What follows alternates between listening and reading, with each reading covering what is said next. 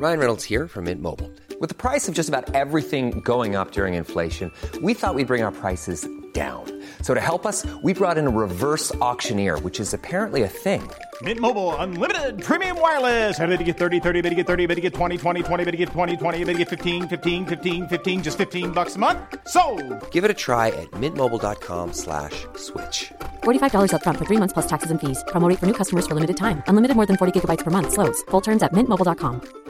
Flexibility is great. That's why there's yoga. Flexibility for your insurance coverage is great too. That's why there's United Healthcare Insurance Plans. Underwritten by Golden Rule Insurance Company, United Healthcare Insurance Plans offer flexible, budget friendly coverage for medical, vision, dental, and more. One of these plans may be right for you if you're, say, between jobs, coming off your parents' plan, turning a side hustle into a full hustle, or even missed open enrollment. Want more flexibility? Find out more about United Healthcare Insurance Plans at uh1.com. Vi är sponsrade av Mindler och som ni säkert vet sedan tidigare så är vi ju ute på psykologresan tillsammans. Men hur vet man egentligen när det är dags att söka hjälp? Ibland uppstår saker i livet som kommer utmana oss och kännas tufft. Det mesta självläker vi oss igenom, för vi är menade att ta oss igenom en viss mängd påfrestningar. Men ibland behöver man professionell hjälp för att ta sig ur jobbiga perioder i livet. Men vart går då gränsen? Vad är en del av livets skavighet och när är det läge att söka hjälp? Det sägs till exempel att stress är farligt, men att också kan vara bra. Alla sover dåligt ibland, så när har man egentligen sömnproblem? Ångesten kommer väl krypande för de flesta någon gång. Så när ska man se ångesten som outhärdlig? Hur vet jag? Med oss som psykolog har vi såklart min gamla psykolog Linnea Seidbrant. Okej, Linnea, hur mycket ångest är en del av livet och när ska man liksom söka hjälp för den?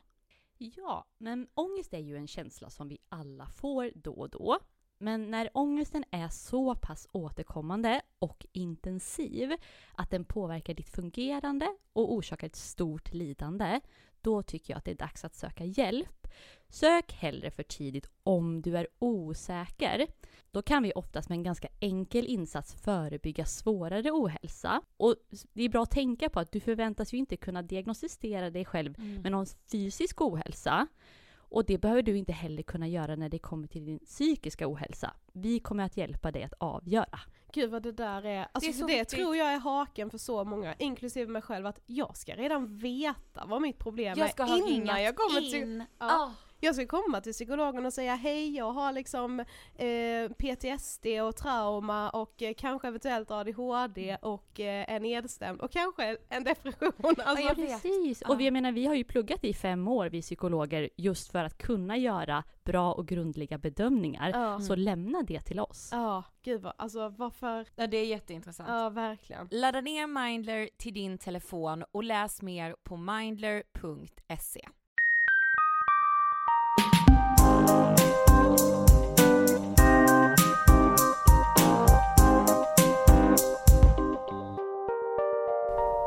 Hej underbaringar och välkommen till avsnitt 54 av Ångestpodden! Yay, yay, yay, yay.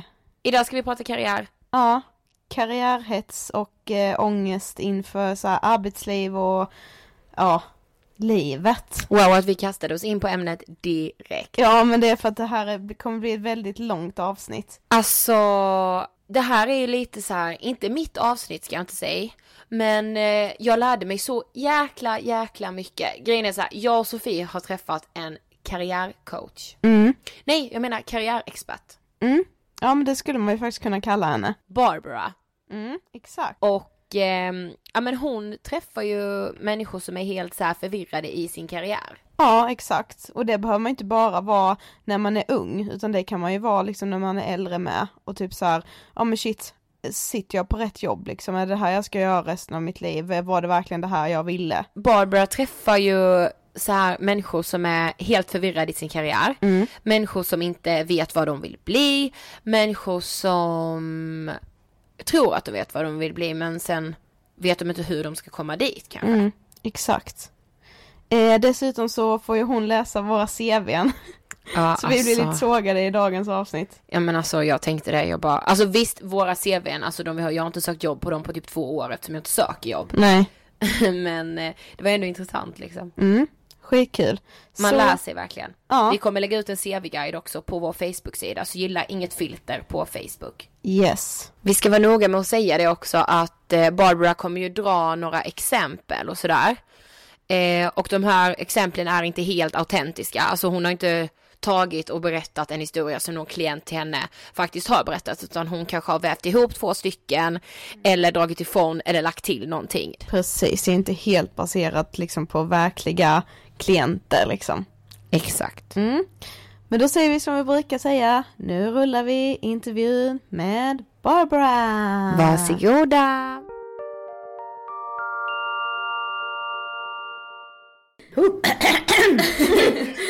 Hej Barbara och välkommen till Ångestpodden! Hej! Det är så kul att du är här. Ja, det, jag tycker det är jätteroligt att vara här. Vad härligt. Ja. Eh, men vem är du då? Ja, vem är jag? Den, den frågan visste jag ju nästan att jag skulle få liksom. Men ändå så, så är det precis som jag hörde uh, de föregående. Att det är inte så här. Oh, oh. Nej, men jag jobbar inom yrkes... Uh, att, att ge ett yr, uh, långbart och hållbart yrkesliv. Och hjälper andra att hitta sin kapacitet. Det tycker jag är det som jag bara går igång på. Jag har ju en bakgrund ifrån både HR, rekrytering och eh, framförallt nu lagt på mer eh, terapeutiska grunder som gör att jag kan ta hand om när, när yrkeslivet kanske skaver lite väl mycket. Och så älskar jag att jobba med de som är lite karriärsförvirrade. Det går jag igång på, det är roligt.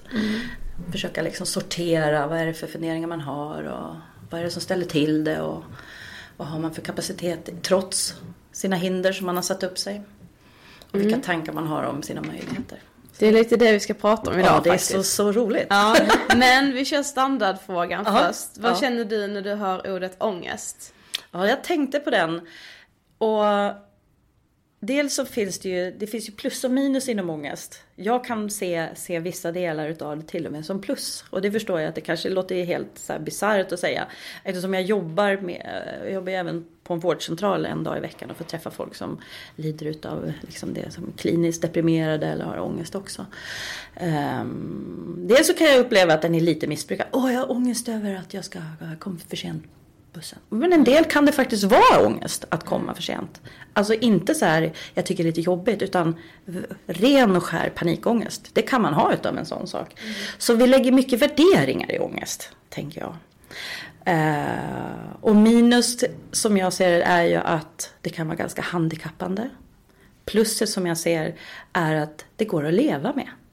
Det går att handskas med och det går att liksom komma vidare med ångest. Och jag har till och med sett ångest som en av de liksom största drivkrafterna för personer som tar giant leaps. Eh, i både i jobb, karriär och i livet tack vare lite ångest. Eh, Men då är den ju inte en handikappande ångest utan då, då kan man liksom handskas med den som en drivkraft. Så det var långa svaret om ångest. Ja.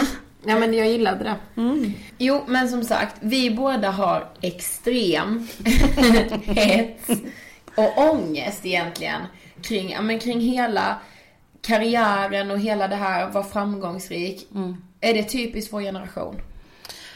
Jag tror att det kan finnas i flera generationer. Jag tror att många kan få det eh, i olika sammanhang. En del får ju den här karriärshetsen fast när de blir föräldrar. Då ska de vara den bästa föräldern. Eller att, har man det här i sig så kan det ju drabba en på flera områden. Att, att man vill ha en viss liksom, status eller så vidare. Eh, så, så till viss del så kan jag tänka mig att det är tuffare för den generationen som, som ni är. Jag är ju då lite, lite äldre då, då så att säga. Bara lite. Slår ihop er två får man en Barbara tror jag att vi kom fram till. Så ehm, jag tror att det har varit svårare att komma in på arbetsmarknaden vilket gör att det kanske hetsas upp lite. Det, det är, om du inte är pluggsugen, ja men vad gör du då? Vad får du för jobb om du inte är pluggsugen? Eh, Eh, hur, alltså, min mammas generation, de behövde ju inte ens gått ut grundskolan och bara glida in på en affär och få fast jobb och åka som barnflicka till Stockholm eller liksom. Det var den generationen. Vår generation som jag kom i jag drabbades av lite lågkonjunkturen och har fått stått vid sidan av arbetsmarknaden ibland någon gång. Och, det, och sen så är det en generation där man också har en sån publik profil. Mm. Jag tror det bidrar till att det är svårt att ta sig tiden. För du ser till att bli bedömd. Mm. Det är så sant. Det leder lite in på nästa fråga som vi tänkte vara så här. Vilken anledning tror du det är som har fått liksom hetsen att öka. Men mm. jag kan ju tro att det kanske har mycket med så här, sociala medier, liksom mm. att det är så lätt att jämföra sig med. Så det är ju inte massan man mm. jämför sig med utan det är några få profiler som man ser som sina förebilder liksom. Det, så kan det vara så men det räcker med bara med massan. Mm. Så det är ju inte så många som lägger upp på Facebook eller Instagram bara oh what a shitty morning liksom. Nej. Idag så bara uh, nylonstrumporna gick sönder, ungen spillde liksom gröt över hela det här eller kom för sent till min intervju på jobbet liksom, som jag skulle få, det här drömjobbet, snubbla, ah, whatever. Allt det där vardagstramset som vi drabbas av hela tiden. Det ser man ju ingenting av.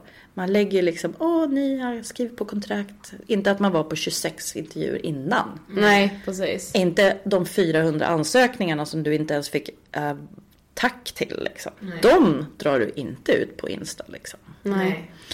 Så att man jämför sig, även om man skulle bara gå på stora massan. Eh, så, och sen så drar den energi. Jag jobbade, vi räknade ut tillsammans med en som jag jobbade med här hur mycket tid som lades på det sociala mediet. Mm. Eh, den här personen hade väldigt, väldigt liksom, tydliga önskningar om vart personen ville vara någonstans. Men kom inte iväg, kom inte till nästa steg hur den försöktes beskrevs det. Men då kunde vi också se att jättemycket tid gick åt till eh, slösurfning på andras framgångsrika liv. Vilket gjorde att den här personen kände sig, alltså tanken om den egna förmågan bara mm. Mm -hmm. Och så, ja då var det lättare att bara sätta sig i soffan och flippa på TVn. För den här personen hade ett högt ställt mål. Det var inte så här, jag ska kanske, utan jag ska lyckas inom den här svåra branschen, i den här nischade delen. Och då kommer det krävas jättemycket.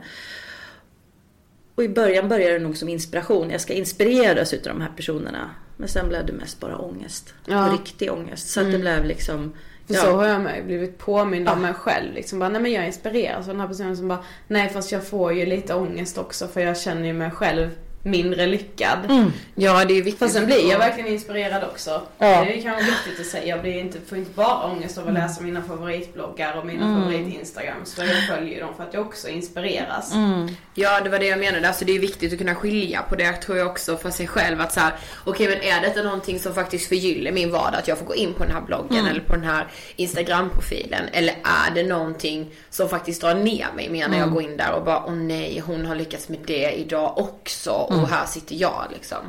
Och sen tänker jag att om, om, hur många bloggare följer du?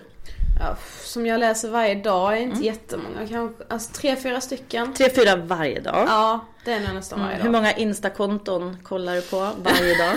jag följer oh my typ God. något på 300. 300 ja. instakonto och så fyra bloggpersoner ja. mm. per dag. Mm. Ja, jag har 10 bloggare per dag tror jag och uh, typ 350 Instagramkonton.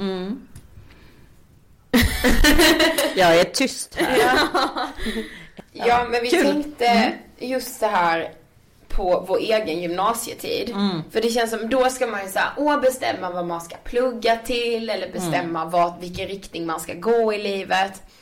Och jag tror ganska många kan relatera till, till just det, att man är stressad och känner sig vilsen i, liksom, i slutet på gymnasiet.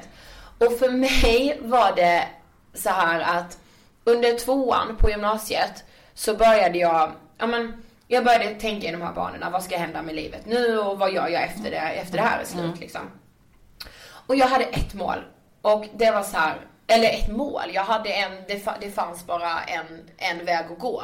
Och det var att, ja men jag ska bli framgångsrik. Jag ska bli så jäkla framgångsrik så, Mm. så det liknar ingenting liksom. Mm. Jag ska bli entreprenör och jag ska, så här, bara, vad ska du driva, driva för företag då? Nej det vet jag inte än men så länge jag tjänar pengar. Ja. Och sen skulle jag bli mäklare, jag skulle bli ehm, ja men kirurg, alltså det var så här, jag varit inne på allt. Ja. Eh, och då hade jag två så här mål. Och de här målen, alltså jag ser dem bland vår generation, speciellt bland unga tjejer skulle Mm. jag säga. Det första är tjäna första miljonen innan man är 25. Mhm. Och det andra är vara ekonomiskt oberoende Mm. innan man är 30. Och jag så vi satt och pratade om det här och vi Mm. tänkte, alltså vi måste reda ut de här begreppen. Ja, då ska jag göra det. ja, Nej men så här, alltså varför, varför ville jag tjäna min miljon innan jag var 25? Och varför var det så viktigt liksom? Ja, för det första, det för spontanaste frågan, var det din egna superegna önskning eller var det någonting du hade fått i någon annanstans ifrån? Nej det var nog min superegna önskning faktiskt. Alltså Mm. det skulle jag säga att det var. Mm, Eh, alltså alla runt omkring har alltid försökt så här, dra ner och mamma och pappa är väldigt så här, lugn. Mm. nej, nej, nej, så här, du kan inte liksom, det är inte realistiskt att Mm. det ska vara den enda vägen för dig Mm. liksom. Men det är som att jag, alltså mamma säger det, du fick det i bröstmjölken av någon anledning. Det har alltid varit så liksom. Ja. Eh, Mm. Visst, alltså sen när jag tänker efter, bara, men när började jag typ läsa bloggar och sånt där? När började jag med sociala Mm. medier? Mm. Ja, min, min första och största förebild liksom på gymnasiet så. Mm. Det har alltid varit Blondinbella. Mm. Och då drev hon kanske sju företag. Och jag bara, men det, det, det är det enda rätta liksom. Mm. Och det var det enda rätta för henne? Så. Ja. Eh, Men alltså det är det man ibland glömmer bort att det var det enda rätta för henne. Sen vet vi så här i efterhand att, att, att Blondinbella har ju liksom haft många utmaningar i livet som Mm. hon kanske inte visade eller kände till själv i det läget. Vilket också kanske var hennes drivkraft. Mm. Hon har ju fått lite diagnoser och liksom allt det här var ju hennes fire up her. Mm. liksom. och, och, och, och då blir det rätt för henne. Eh, Och det har varit hennes väg att gå. Och bara kliva in i någons skor och bara gå deras väg. Det var ju säkert det du försökte med alla de här, så här döva Mm. läkare, jag blir då och då. Och så, Ja. Kirurg, det låter ju framgångsrikt. Ja. Så här, never mind alla studieår, slit, matte, du ska liksom kunna allt Ja, men- muskler. Liksom så här. Men det lät som ett bra statusjobb. Ja. Och då tänker jag på de här smarta målen som ibland används. Eh, och då är det specifikt. Att det liksom ska vara en, en tydligt med vad man vill åstadkomma. Och din tydlighet kanske du tyckte då var så en miljon. Ja. Oavsett vad. Liksom. Ja, ja, ja. Det var liksom din tydlighet i det hela. Ja. Ja, det skulle kanske kunna vara det. Men det skulle också kunna vara eh, en färdig högskoleutbildning som kanske Mm. också hade varit en specifik lite så här, ja, okej, i, i den tidsplatsen så här. Men du hade kanske ingen som liksom hade den här diskussionen. Mätbart, hur mäter man? Ja, miljon, ja men det finns ju, det går ju att mäta i kronor och ören. Ja, men arbetsinsatt, timmar, det finns ju många andra sätt att mäta framgång eller, eller vad man nu är ute efter. Accepterat, är det liksom okej för alla inblandade? Liksom, ska man göra det här ihop med någon? Ni, nu har ni, ni hittat varandra och drar det här Mm. lasset liksom med Mm. eran eh, liksom inget filter businessen. Mm. Den är ju liksom eran gemensamma baby nu som gör att man inte är ensam. Och då måste det vara accepterat. Är man liksom ihop om det här? Eller är, handlar det om att, att eh, du ska göra någonting i dem. Är det okej för din mamma att inte du betalar hyra under tiden du gör det här till exempel? Mm. Om man bor hemma eller någonting i den stilen. Så, så att det är accepterat utav de andra som behöver vara med. Har man en pojkvän, flickvän, partner, morsan, farsan. eh, Är det accepterat, om jag ska vara idrottsligt aktiv, är det accepterat utav skolan att jag kan få ledigt till de här tävlingarna? Som är när det är och så vidare. Så det är jätteviktigt att det är accepterat också. Realistiskt. Där kommer vi kanske in. Vi är helt är så här. Ja, det är inte jätterealistiskt. Och sen tidsbundet liksom. Tidsbundet 25 år, det kändes ju säkert supertidsbundet. Ja. Eftersom en miljon är ganska mycket för en, hur gammal var det? 16 -ish? Nej, då var jag ja, 17, 18. 17, 18 Mm. år. Så här, Okej, men hur, om du ska ha en miljon då, då behöver man kanske också tidsspecifikt, kanske då om det är så, så pass stort mål, tugga ner det lite mindre bitar utav elefanten. Liksom. Då Mm. behöver man göra det delmål. Okej, hur skulle det se ut då? Eh, och framförallt så tror jag att ingen kan få ihop en miljon om man inte gör något som man bara love. Mm. För att det kommer kräva så sjukt mycket av dig. Mm. Och det tror jag, om man bara säger en 25, milj- liksom 20 25 ska jag ha en miljon. Mm. Så tror jag man måste göra någonting som man är väldigt, väldigt, väldigt driven inom. Och det kommer kosta jättemycket. Inte, då menar jag inte bara pengar, men det kan göra det också. Det kan innebära sjuka uppoffringar. Och då måste man hela tiden fråga sig, är det här mitt mål? Mm.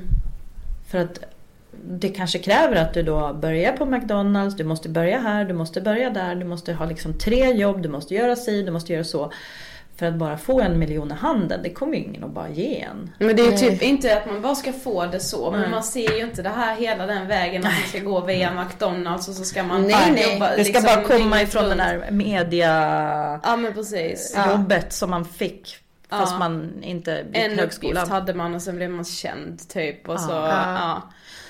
Och det, det, det, det händer, alltså de- storiesarna kan ju finnas där. Alltså det finns ju alltid de uh, mythistorierna som blir de stora historierna. Ja. Och, de, och de är ju jätteinspirerande. Men man kan inte vänta på att bli upptäckt. Det kommer ju, det, man måste ge slumpen en jäkla stor chans med att faktiskt finnas där det händer i så fall. Mm. Ska man komma, få den här, då måste man ju finnas i de sammanhangen där det är eller få den uppmärksamhet som det finns och hur kommer man dit och då blir det delmål i sig. Ehm, Men det här med ekonomiskt oberoende då? Ah, ekonomiskt oberoende, den lät ju jättemysig. Och den handlar ju... Ja men det tyckte jag också, jag bara, men innan 30 det är rimligt liksom. ja. Då är, jag- då har, då är jag liksom så här, har jag byggt ett bolag med så här 100 Mm. Men då känns ju 30 så himla långt iväg också. Alltså, Ja. då, alltså när man typ är så här 17-18, då ser man ju sig själv med familj och barn när man typ är 23. Ja, det, jag fyller 23 om några veckor och jag är inte där liksom. Nej. Det är, man har ju liksom en konstig bild typ av framtiden känns det som. Ja. Ja, ja det, det beror nog lite grann på också. Liksom, bo, liksom, i Stockholm så kanske man har en annan bild av framtiden om man är uppvuxen här som tonåring. För att här ser man mammor som blir mammor vid 42 liksom. Medan i Uppsala där pluggade ju alla tills de typ blev en miljon år gamla. Liksom, för där är jag uppvuxen. Sen kom jag upp till Östersund där jag pluggade på högskolan själv. För jag ville ju inte plugga i min egen hemstad. Man ville ju från Uppsala när man ändå liksom hade gått på kåren. Så man var, nej det hade jag ju inte alls menar jag. men om jag hade varit. nej men då ville man ju se någonting annat. Så jag drog ju till Östersund och kom ju till liksom Norrland inland liksom. Ja. Där skaffar man barn lite tidigare. Så det där är ju också perspektiv så här, på livet. Vad man har fått med sig. Men ekonomiskt oberoende. Det handlar ju egentligen mycket mer om vad har du för omkostnader. För att eh, det som händer, jag träffar ju folk lite längre in i sitt yrkesliv än vad ni har hunnit komma också. Det är inte bara de jag träffar. Men och där är det så här att det som händer är att först köper man sin hudkräm på Åhléns. Sen köper man den där och sen köper man den på, sen är det på NK och sen så blir det så att alla ens småkostnader går upp helt plötsligt och man köper inte där och man, ja, och så flyttar man och så, så, så helt plötsligt så har du ju en sån stor ekonomisk sväng som måste dras runt varje månad. Så din ekonomiska frihet är zero. Det enda du har är skulder till banklånet för bilen, för huset, för utbildningen, för det, för det, för det, för det, för det, för det. Och sen så har du ju självklart, du har Netflix och du har allt möjligt sådana här och så måste man ju ha Spotify och så helt plötsligt har du så mycket fasta kostnader så ekonomisk frihet är väldigt svårt att uppnå. Så ekonomisk frihet kan också vara blogga och bo i skogen i en koja. Inga kostnader. Alla sponspengar går in, lever relativt fine. Men då är det ju inte Louis Vuitton-väskor på torsdag. Nej, precis. Men så ekonomiskt oberoende, det kan man absolut uppnå. Men det kommer också att vara att, att managera sina utgifter främst, skulle jag sätta. Men när jag alltså, gick i gymnasiet, då var jag typ så här inte helt tvärt emot Ida, men jag var mer den här som bara, ja men ja men det löser sig typ. Alltså jag Mm. hade väldigt så här, konstig bild av vad liksom vuxenlivet typ innebar. Alltså jag var så här, ja men det är väl bara att bara jobba liksom. Mm. Eh, och så tog vi studenten och liksom jag var typ nästan ledig hela den sommaren efter jag hade något så här feriejobb på landstinget liksom. Mm. Och sen kom hösten och jag började söka lite jobb. Mm. Eh, men jag märkte att jag fick inte ens komma på intervju. Eh, och sen så vet jag till och med någon gång som vi sa sen när vi kanske i tvåan på gymnasiet bara ah, jag skulle aldrig kunna tänka mig att jobba på McDonalds liksom. För fan vilket eh, slitjobb liksom, vad Mm. jobbigt typ så här. Och sen helt plötsligt hamnade jag i en situation där jag var tvungen att söka jobb på McDonalds. Och jag För bara- skulle du inte betala hyran. Nej, nej men precis. Jaha, hur, hur fan hamnade jag här Ja. liksom och varför? Och jag upplevde kanske att jag hade fått en så dålig bild av gymnasiet, av vad vuxenlivet Mm. liksom innebar. Man, man, vi, vi fick ju lära oss att skriva CV någon gång men det är aldrig så man snackar liksom inte typ om pengar och lån och ja, men att köpa sin första lägenhet. eh, Alltså så här, att att vara arbetslös. Mm. Och den hösten är absolut den tyngsta hösten i mitt liv Mm. hittills. För att jag fick liksom så här, jag bara men vad är det för liv jag lever liksom? Mm. Och då, jag tänkte så här liksom, vad, vad innebär egentligen ordet karriär? För det Mm. var ju det jag tänkte att jag skulle göra det efter gymna- eh, gymnasiet. Bara, oh jävlar nu börjar mitt liv. ja precis. Klättra den här stegen. Men Mm. vad, vad innebär karriär? Ja, men, alltså, om du ska klättra på stegen måste du komma in på stegen. Mm. Alltså det är det första du måste göra. Du måste ha dina första erfarenheter. Och jag har ju jättemånga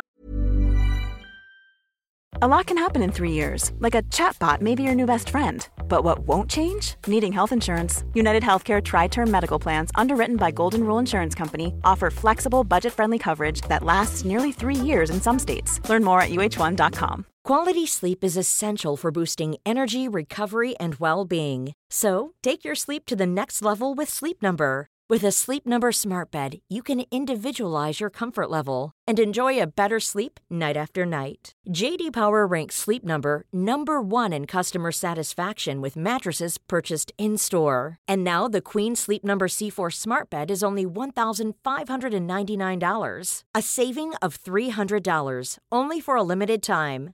For JD Power 2023 award information, visit jdpower.com/awards. Only at Sleep Number stores or sleepnumber.com. år bakom mig. Eh, för själv har jag ju, jag har bytt karriär själv fyra gånger. Jag började ju som socionom, eh, utbildad socionom. Jobbade med det ett tag eh, och sen så kom jag till Stockholm och ville verkligen jobba med bemanning och rekrytering. Det var verkligen så här, det skulle jag göra. Och sen så blev jag chef och HR-chef. Som ja, lite mer, de hänger ihop. Och sen så nu så kör jag ju som egen. Och just det här med man måste ju ha sin första bas att stå på för att kunna ta de där stegen. Jag lyssnade på eh, Frida Boysen. Eh, och hon började på McDonalds. Så det var den bästa ledarskolan hon hade fått. Mm. Ja det är det ju. Ja, för att där har man ett strukturerat program och så vidare. Du, du har en karriärstege du kan ta tidigt i livet. Och när jag som rekryterare då tog emot kandidater som då skulle kunna varit ni. Eh, och de hade ingenting.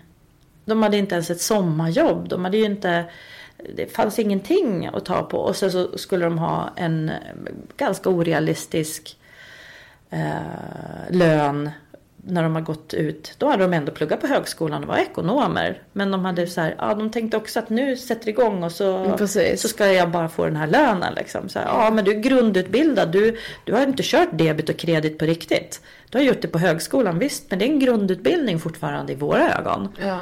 Och de kände sig som klara och då blir det ju en, en clash som Mm. du är inne på. Mm. Medan om jag hade samma ekonom som, som hade gjort hela eh, tidiga åren på McDonalds.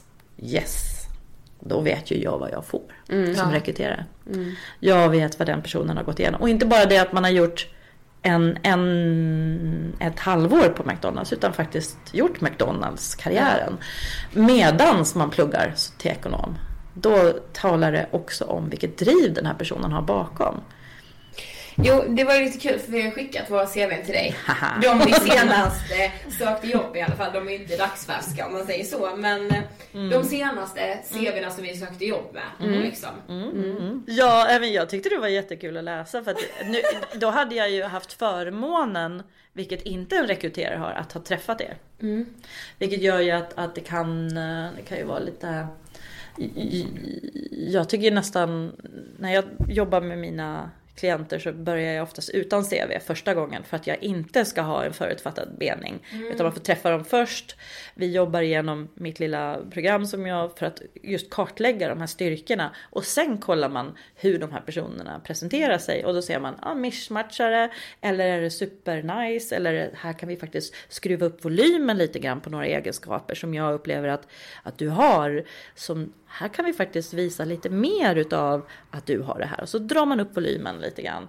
Eh, eller en person som säger, skriver i sitt CV, det hade jag en, en eh, jobbade som eh, på, på ett konsultbolag som och så Ja, jag är ju superstrukturerad stod det liksom. Och den här personen ringde mig tre gånger och frågade när intervjun skulle vara.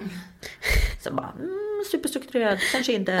Ska vi kanske inte använda det ordet för att du tror att det är det arbetsgivaren vill höra? Mm. Utan vi tar bara bort det. Vi behöver inte säga att du är super, superstrukturerad. Vi tar bara bort det. För att det ger en förväntan på att du ska vara det. Ta bara bort det. För du är inte det. Förvänt, skriv inte vad du tror de andra vill höra på det sättet. För då kommer ju så här efter, alltså, du kommer ju visa det första veckan på jobbet för du har ju gjort det innan du kom på intervju. Och bara dubbelkollar hela tiden för du vet inte. Mm. Ja, jag har inte pappret. Och så hör man pappret så här, bara, jag vet inte var jag skrev upp det någonstans i bilen. Så, här. så presentera vad du har. Och då var det jätteroligt att titta på era. För då Ja. hade jag ju först fått träffat er. Ja. Jag hade ju gjort med, liksom, man gör sig en bild ganska kvickt. Så är vi ju människor. Mm. Inom psykologin så vet vi ju ännu mer hur snabba vi är. Att, Mm. att, att vi kan till och med sätta liksom lite käppar i hjulet på oss för att vi är så snabba Mm. att bedöma. Men det är ju så vi gör för att göra enkelt för våra hjärnor. Vi klarar ju inte att ta in tusen miljoner personligheter hela tiden. Så vi använder ju det. Men så jag hade ju, jag fick ju en liten bild utav det. Ja. Så det tycker jag var jätteroligt att få se hur ni presenterar sig. Nu kommer svaret. Tada! Och rätt svar har... Nej, Precis, bäst CV. Bäst CV får nu en låda med drömmar. A bag of dreams som belöning. Nej men eh, vem vill börja? Börja med då. Ja. Ja. Idis. Ida får nu eh, sin... Får nu en känga. En dom. Nej. Precis. Här kommer CV-häxan som en utav mina... eh, Med humor, glimten i ögat. Åh nej, nu ska jag skicka det till CV-häxan. Nej men det, jag tycker det här är jätteroligt för att komma in på intervju är ju liksom det vi måste starta med. Mm. Det blir svårt annars. Vi skickade inte vårt personliga brev faktiskt. Vi Nej, men- bara CV-delen. Eh, Det här är ju en del som jag skulle tolka som ett personligt Ja, mm, jo, Ja, jag du hade båda. det. Ja, det- okej, ja. jag och, och, och jag, jag kan tycka att det finns en försök till någonting utav något Du personligt tycker brev. jag, ja, Ish. jag har vävt in det kanske lite. Ja, vilket gör det lite otydligt. Ja. Tyvärr. Så att- Först, första punkten, att arbeta på översikten. Eh, I och med att jag eh, vet att du har ett, liksom ett strukturerat förhållningssätt i övrigt så tycker inte jag det syns i hur du presenterar dig. Oj! Ja. Nej? Eh, Tycker du att du är strukturerad? Ja. Ja, aha, nej. Nanna. No, no, no, Ja, no. vad är jag? Nej men bara en sån här sak att du har fallande ordning, eh, olika ordningar på utbildning och anställningar. Så här saker som, som vi som rekryterar bara, aha. Vadå? Har du inte läst det? Två gånger Nej, innan du eller skickar. hur? Ja. Så här har vi ju först 2009 till 2012 och sen under det 2014. Men medan arbetet är en fallande ordning. Och jag Ja. säger fallande ordning. Alla ni som lyssnar, fallande ordning. Så att jag som Och läser... med fallande ordning menas att man först Det har det jag- tidigaste. Ja. Ja. Nej, nej, nej, senaste. senaste nu. Ja. Ni ska ju servera det som gör er mest anställningsbara. det är inte exakt. om jag träffar en, en eh, kille på 35 år och så skriver han utbytesstudent det första jag läser. Det var ju någonting som hände i gymnasiet. Nej, jag vill läsa det som man har gjort senast och det lär ju inte varit utbytesstudent. Så att hjälp läsaren att få liksom en behaglig läsupplevelse. Mm. Servera det som är mest relevant först. Och det tycker jag att det har du fått till här. Men det gäller också så när jag träffar mer erfarna. Är det utbildning de söker jobb på egentligen eller är det deras erfarenhet? Välj att visa det först som du tror är mest relevant. Och skriv ett CV till varje jobb du söker. För då kan du nämligen ty- liksom trycka, är det på det här jobbet mer service? Är det här mer jobbet struktur? Ja men tryck på det då. Och så kan man liksom formulera det lite grann så att det blir lättläst. Det gjorde inte jag när jag sökte jobb där efter gymnasiet. Ja, du jag sprinklar. pumpade ju ut Ja. till alla jag, Jag kunde också. tänka mig. Mm. Så. Så, ja men det har jag typ alltid gjort Ja. ärlig. Och det gör jättestor skillnad. Speciellt om man vill ha det där första steget in som ni var så jäkla sugna på i den där åldern. Att läsa ett generiskt producerat massmail. Eh, Hej, jag söker som badvakt när jag har haft en annons som eh, vaktmästare. Ja men, nej. Nej men man hade ju ett som man tyckte passade alla så Ja, bytte precis. man bara ut företag. Ja. Hej! Ja, och det kan funka. Men jag säger att om du verkligen, verkligen, verkligen vill ha jobbet och alla andra skickar ett generiskt då kommer ditt att sticka ut. Att Ja, du säger, precis. jag gick in på er hemsida, jag vet att det här och det här är det ni står för. Och när jag läste er annons så kände jag det här. Då blev jag så här berörd. Eller då vet jag att det här var mitt första steg. Eller, ja, skriv någonting som får oss att rycka till lite. Ehm, färdigheter. Att skilja på jobb och utbildning lite mer. För här, här gör du utbildning och sen gör du anställningar. Men här under övrigt där är kuckelimucket av allt möjligt. Det är blandat, det är lite så här gymnasietiden och... Ja men det kommer jag ihåg att vi fick lära oss. Ja, det tror jag Så här bara, ta med allt har gjort. Ja, och det kan man, men strukturera upp det då så att det blir lätt för mig att förstå. För då skulle jag kanske i det här läget, i och med att vi hann träffas lite innan och så vet ju jag de här drivkrafterna. Ja, men presentera en sammanfattning alla personligt brev där du får in det. Så får du ihop det. Jag vill också säga till, eh, hjälp läsaren se dig och dina egenskaper bättre. Ja men det var nog för jag inte skickade personliga brev, för svarar Nej. jag mig med. Ja, men, men, men, ett personligt brev det kan behöva vara tydligare. För att om de då får in 250 ansökningar. De kommer inte lägga 20 minuter på att läsa brevet för att hitta dina egenskaper. Nej. Nej. They will not. Sofie? Sofie, nu bara, jag vänder sida bara. Spänner ögonen. CV-häxan. CV-häxan bara drar upp armarna. Nej, eh, där jag... Eh, det är också lite så här med ordningen. Ja. Här har vi det i eh, fallande ordning och här har vi det i... Så helt plötsligt så här 2003. Nej men vad är detta med oss? Vad höll jag på Snälla snart kommer vi skriva avsnitt 60 och nästa gång avsnitt 50. Nej. Precis. Mm. Och sen... Eh, Men eh, gillar man det här? Eh, supertaggad servicetjej finnes. Det, det, kan, det kan ju vara det som sticker ut någonstans. Så det Alltså- fick vi med bara tjejer och Våga sticka ut, dra typ. på nu. Så jag, den jag kan ju berätta för er som lyssnar att jag har skrivit med röd text längst upp. Supertaggad servicetjej finnes. Ja. Men alltså det, det är ju i alla fall någonting mer i din bubbliga personlighet som faktiskt syns. Ja. För att det, alltså, jag- alltså ett, ett CV som bara jag gjorde så här, sen gjorde jag så här och sen gjorde jag så här. Ja. men, vad är personligheten i det liksom? Om det är det enda som ni har att sälja för att man inte hunnit bygga så mycket annat. Ja. Eh, supertackad. ja, och, och i det här läget, ni som båda hade varit aktiva i, i uh, ung företagsamhet och så vidare. Ni hade kunnat tryckt på det. Alltså som en arbetslivserfarenhet lite mera. Ni försökte men det bluddrades in det här övrigt guckelimuck på dig. Och, och hos dig Sofie så, så syntes det inte alls lika mycket. Nej. Eh, och där var det ju också så här, eh, marknadsförde EMDs vårdturné i Kalmar. Jag bara, EMD? Nu känner jag mig så här 800 år gammal. Men visst var det någon sån här grupp? Ja! ja, nu överdriver jag. Nej, men jag vet ju. Ja, ja. Eh, så att tänk på att det kan vara någon som inte vet vad EMD är. Är det ett företag som kom på turné? Är det, säljer de batterier eller är det popgrupp? Ja. För du måste tänka på läsaren. Men det är ändå relevant att ha med Ja, det kan absolut vara. Ja. För att om du säger att du är supertaggad servicetjej, utåtriktad, jag har sälj, jag har UF. Alltså skulle vi bygga på de bitarna, då skulle vi få fram dig Mm. Med- på ett helt annat sätt. För det finns alltid saker att ta fram på alla personer. Mm. Vad de än har gjort. Jag, kan, jag får fram det hos vem som helst tänkte jag säga. Men jag, alltså att, att ta, folks, ta fram folks kapacitet är svårt för man själv, en själv att göra. Mm. Eh, och vara liksom, se sig själv utifrån. Nej men det här, men det var väl inte så svårt. Nej men jag jobbade ju bara dygnet runt med det här.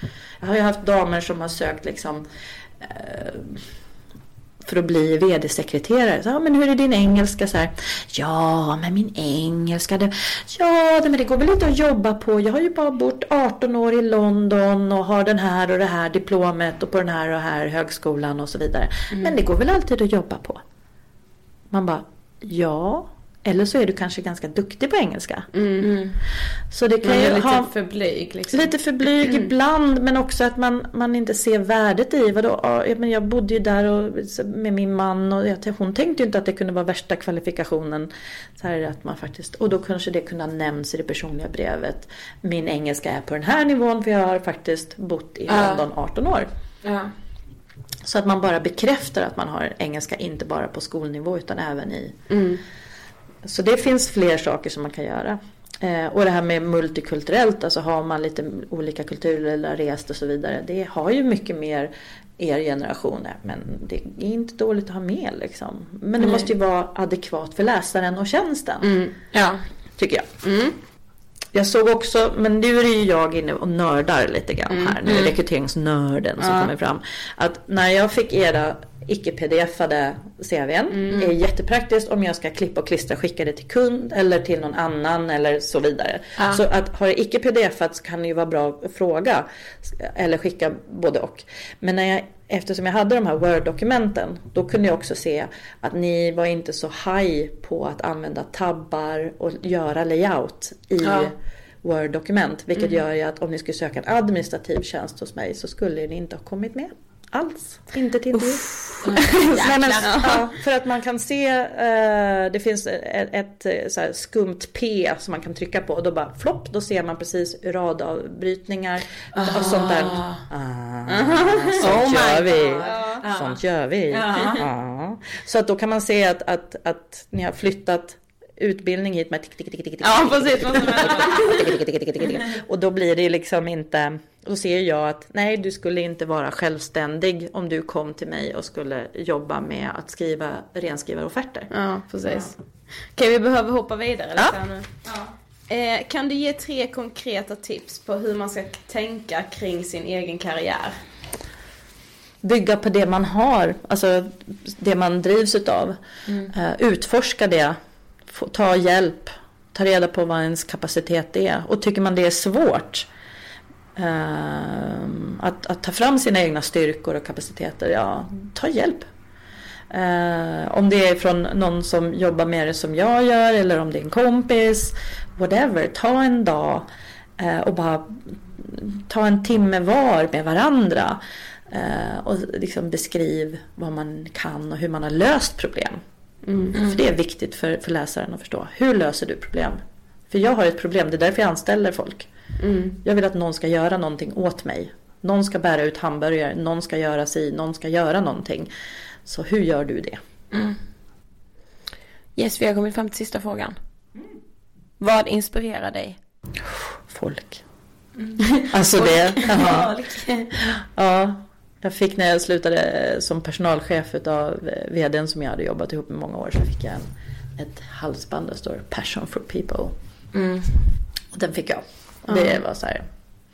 Nej, jag har passion for people. Jag tycker folk inspirerar mig. Jag, blir, jag går igång. Man märker typ att du inspireras av folk. Ja. Jag, alltså jag, jag, har jobbat med personer som har kommit till mig som har visat sig ha haft ganska många diagnoser. Jag kan fortfarande se dem i yrkeslivet. Jag ser, ser visst, det kan finnas hinder med de diagnoserna. Men det kan också finnas förutsättningar för att få ett jättebra jobb tack vare diagnoserna. Okej, och de här hindren, hur jobbar vi med att de inte stjälper dig? Ja, har du svårt att hålla tid? Ja, men hur hjälper vi dig? Finns det tekniska lösningar? Finns det något annat som gör att den där egenheten inte drabbar dig? Så att den andra bra bitarna utav dig kommer fram. Ja. Faktiskt. För det finns. Precis, alla kan och allt går. Ja, och, och liksom så här, nej, jag tror inte alls alla vill göra den här karriären. Jag tror inte alls alla vill klättra på den där stegen eh, heller. Och det kanske inte ens är bra för alla att vilja det. För att det liksom, det, det kan vara, men att veta att man har kapaciteten att hitta det man är bra på utifrån det. Det är däremot någonting som man behöver sätta sig ner och kanske göra flera gånger i livet. Så att man inte liksom upptäcker att oj. Jag frågade faktiskt eh, innan jag skulle hit. Så drog jag ut så här. Ja, vad är karriärsångest för dig? Och så Ja. fick jag ett svar. Får, får jag läsa upp? Ja, ja, ja. Har vi tid? Ja, det tar vi som sista avslutning här innan. För det var faktiskt ganska så här. Ska vi se här. Att mitt i livet inse att man kunde ha tagit ett annat spår tidigare. Mm. Eh, Man kanske har ett hyfsat jobb och inte kanske vantrivs. Men eh, att, att inte ha tagit aktiva beslut Mm. under jobbets gång. Så att eh, man är på ett ställe och sen upptäcker att nu, nu upplever man att man sitter fast. Man kanske ekonomiskt sitter fast med det ekonomiska oberoendet som vi var inne på. Det, så här, ja, bilån och grejer. Som gör att man inte vågar skifta ens lite. Och då kan man ju också bli ganska oanvändbar på arbetsmarknaden. Vilket gör att då kommer en HR-chef och säger att nej men din kompetens är inte rätt. Man måste liksom ha ett visst intresse att man behöver inte vara i framkant alltid. Men man behöver i alla fall utvärdera ibland. Vad behöver jag så att jag är anställningsbar fortsättningsvis Ja. i det jag gillar. Och det behöver man kanske ta ett större ansvar för idag än vad mina era föräldrars föräldrar också. Och, och min föräldrageneration behövde göra. Det behöver vi och de som är yngre göra. Ta ett ansvar för sig själv och sin egen utveckling. Mm. Yes. Tack så jättemycket för alla tips. Ja, alltså jag blev faktiskt mycket klokare efter det här. Ja, ja, det vet du sjutton, men jag tyckte det var jätteroligt. Ja. Tack så hemskt mycket för att du ville gästa. ja, men det var skoj att komma. Ha det gott! Ja men alltså det är ju verkligen intressant. Plus att vi kom ju in på det lite i slutet det här med att man liksom, som hon säger, bara men jag har träffat jättemånga som har eh, diagnoser.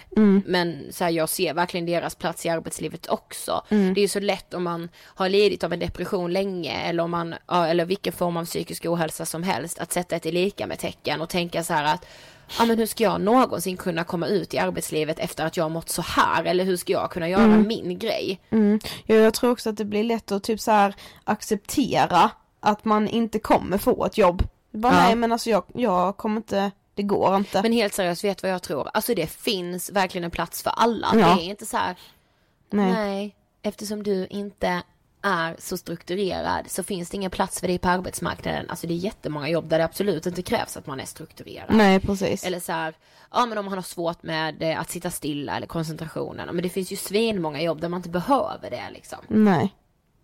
Exakt. Annars får man skapa sitt eget jobb. Ja, precis.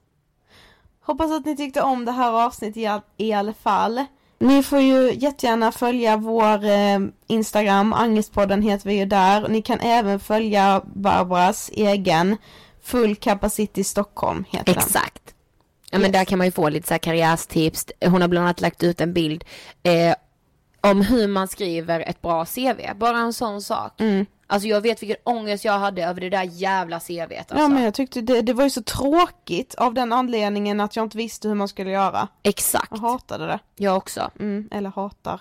Inte nu längre kanske med de här tipsen. Nej exakt. Nej. Nästa vecka börjar ju Ångestpoddens första serie. Ja. Och inte serie som i film, men Nej. podcastserie. Och eh, ska vi avslöja någonting om den? Vi säger ett ord angående serien som kommer de kommande tre veckorna. Sex. Mm, då säger jag, då säger, om du säger sex så säger jag tabu. Mm. Så får man eh, klura på den själv. Exakt. Yes. Det vill ni inte missa, så mycket kan vi säga. Nej. Okej, men ut och fånga era... Jag måste säga en sak innan vi lägger på. Vi fick ju idag när vi träffade Barbara innan, Mm. en påse. med kakor i och det var såna här drömmar ni vet, alltså det, de kakorna. Hon bara, här får ni en påse med drömmar. Det är det finaste jag någonsin har fått tror jag. En påse med drömmar, jag är helt, jag skrev om det på bloggen, missa inte vår blogg förresten, now.com snedstreck inget filter. Mm. Det kan väl ni läsa mer om Idas eh, lättflörtade eh, drömpåse. Åh, alltså seriöst, jag älskade det. Jag vill ha en påse drömmar varenda dag. Dels för att det var jäkligt gott, men också för att så här, här får du en påse med drömmar. Mm. Och hon bara, man kan inte ha för många drömmar. Och jag bara, nej det kan jag skriva under på det. eh, vi hörs nästa vecka, ni är bäst. Alltså på riktigt, ni är bäst. Ha det bra! Hej då!